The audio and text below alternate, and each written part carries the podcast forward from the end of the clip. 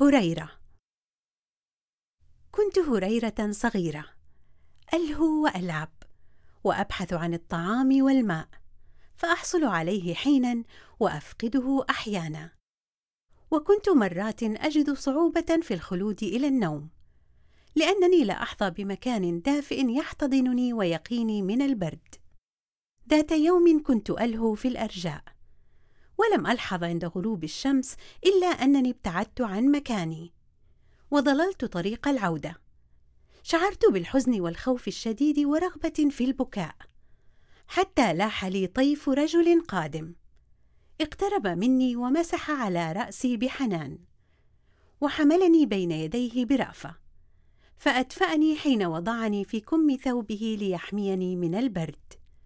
ثم أخذني إلى منزله. وسقاني الماء والحليب بيديه. فشبعت وارتويت. ثم اتخذت من كمه سكنا نمت فيه الليل بطوله. ولكم كانت تلك الليلة هانئة حين شعرت بهذا الأمان لأول مرة.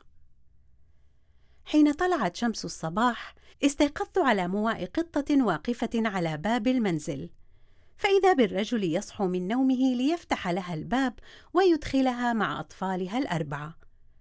قدم لها الطعام والماء فأكلت وأطعمت صغارها. وداعب الرجل صغارها ثم خرجت. قام الرجل دون أن يأكل شيئا وخرج من منزله وهو يحملني في كمه. شاهدت الناس كل منهم يسعى لرزقه. فلما تنبهوا للرجل الذي يحملني وأنا معه ناداه أحدهم يا عبد الرحمن ما الذي تحمله في كم ثوبك؟ فأجابه هريرة. فقال له أهلا بهريرة وأبي هريرة. فصار لقبه المعروف أبا هريرة. يا لسعدي حين صرت ابنة أبي هريرة ورفيقته خاصة عندما يصحبني إلى مجلسه مع النبي صلى الله عليه وسلم فأرى وجهه المنير وأجلس في مجلسه الأثير ليحفظ أبي منه الأحاديث ويعلمها للناس ويرويها لهم. وكم شعرت بالدهشة من قدرة أبي على حفظ الأحاديث وروايتها دون أي خطأ. لم يستطع أحد قط التفوق على أبي وكنت أشعر حين ذاك بالزهو والفخر الشديدين. كنا نعود في نهاية اليوم إلى منزلنا فلا يجد أبي شيئا يأكله ومع ذلك كان كريما علي يطعمني ويسقيني ومن ثم يقوم فيصلي الليل. فأنام على مصلاه وأنا أسمعه يذكر الله كثيرا ويقرأ القرآن ويدعوه. كانت الليالي كلها عامرة بالعبادة. ولذلك كنت أنام بأمان وأنا أستمع إلى ذكر الله كل ليلة. في صباح اليوم التالي استيقظت مع أبي لاصحبه في يومه كالعادة. ولم أكن أدري أن هذا اليوم سيكون أسعد يوم في حياتنا. ففي نهاية مجلسنا اقترب أبي من النبي صلى الله عليه وسلم وطلب منه أن يدعو له فدعا له. اللهم حبب عبيدك وأمه إلى عبادك المؤمنين وحببهم إليهما. ملأتني السعادة حين سمعت رسول الله يدعو لأبي. ووددت لو أخرج من المجلس راكضة لأخبر صديقات القطط بأن رسول الله صلى الله عليه وسلم قد دعا لأبي هذا الدعاء العظيم.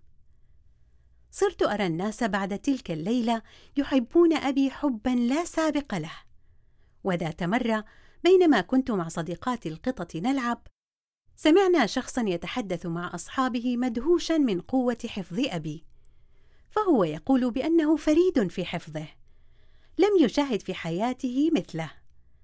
ضحكت والتفت إلى صديقاتي قائلة يا إلهي هذا الرجل مدهوش من موهبة أبي لأنه لا يعلم السر. أجابتني إحداهن سر؟ عن أي سر تتحدثين؟ فأجبتها لا لا ليس سرا مخفيا لكنني كنت من القلائل الذي حضروا ذلك المجلس. سألتني مرة أخرى عن أي مجلس تتحدثين. قلت لها بحماس حسنا سأخبرك. ذات يوم وحين كان أبي منكبا على طلب العلم في مجلس رسول الله صلى الله عليه وسلم ولما رأى منه نبي الله جده واجتهاده اقترب منه وتحدث معه قليلا. فقال له أبي أسألك أن تعلمني مما علمك الله.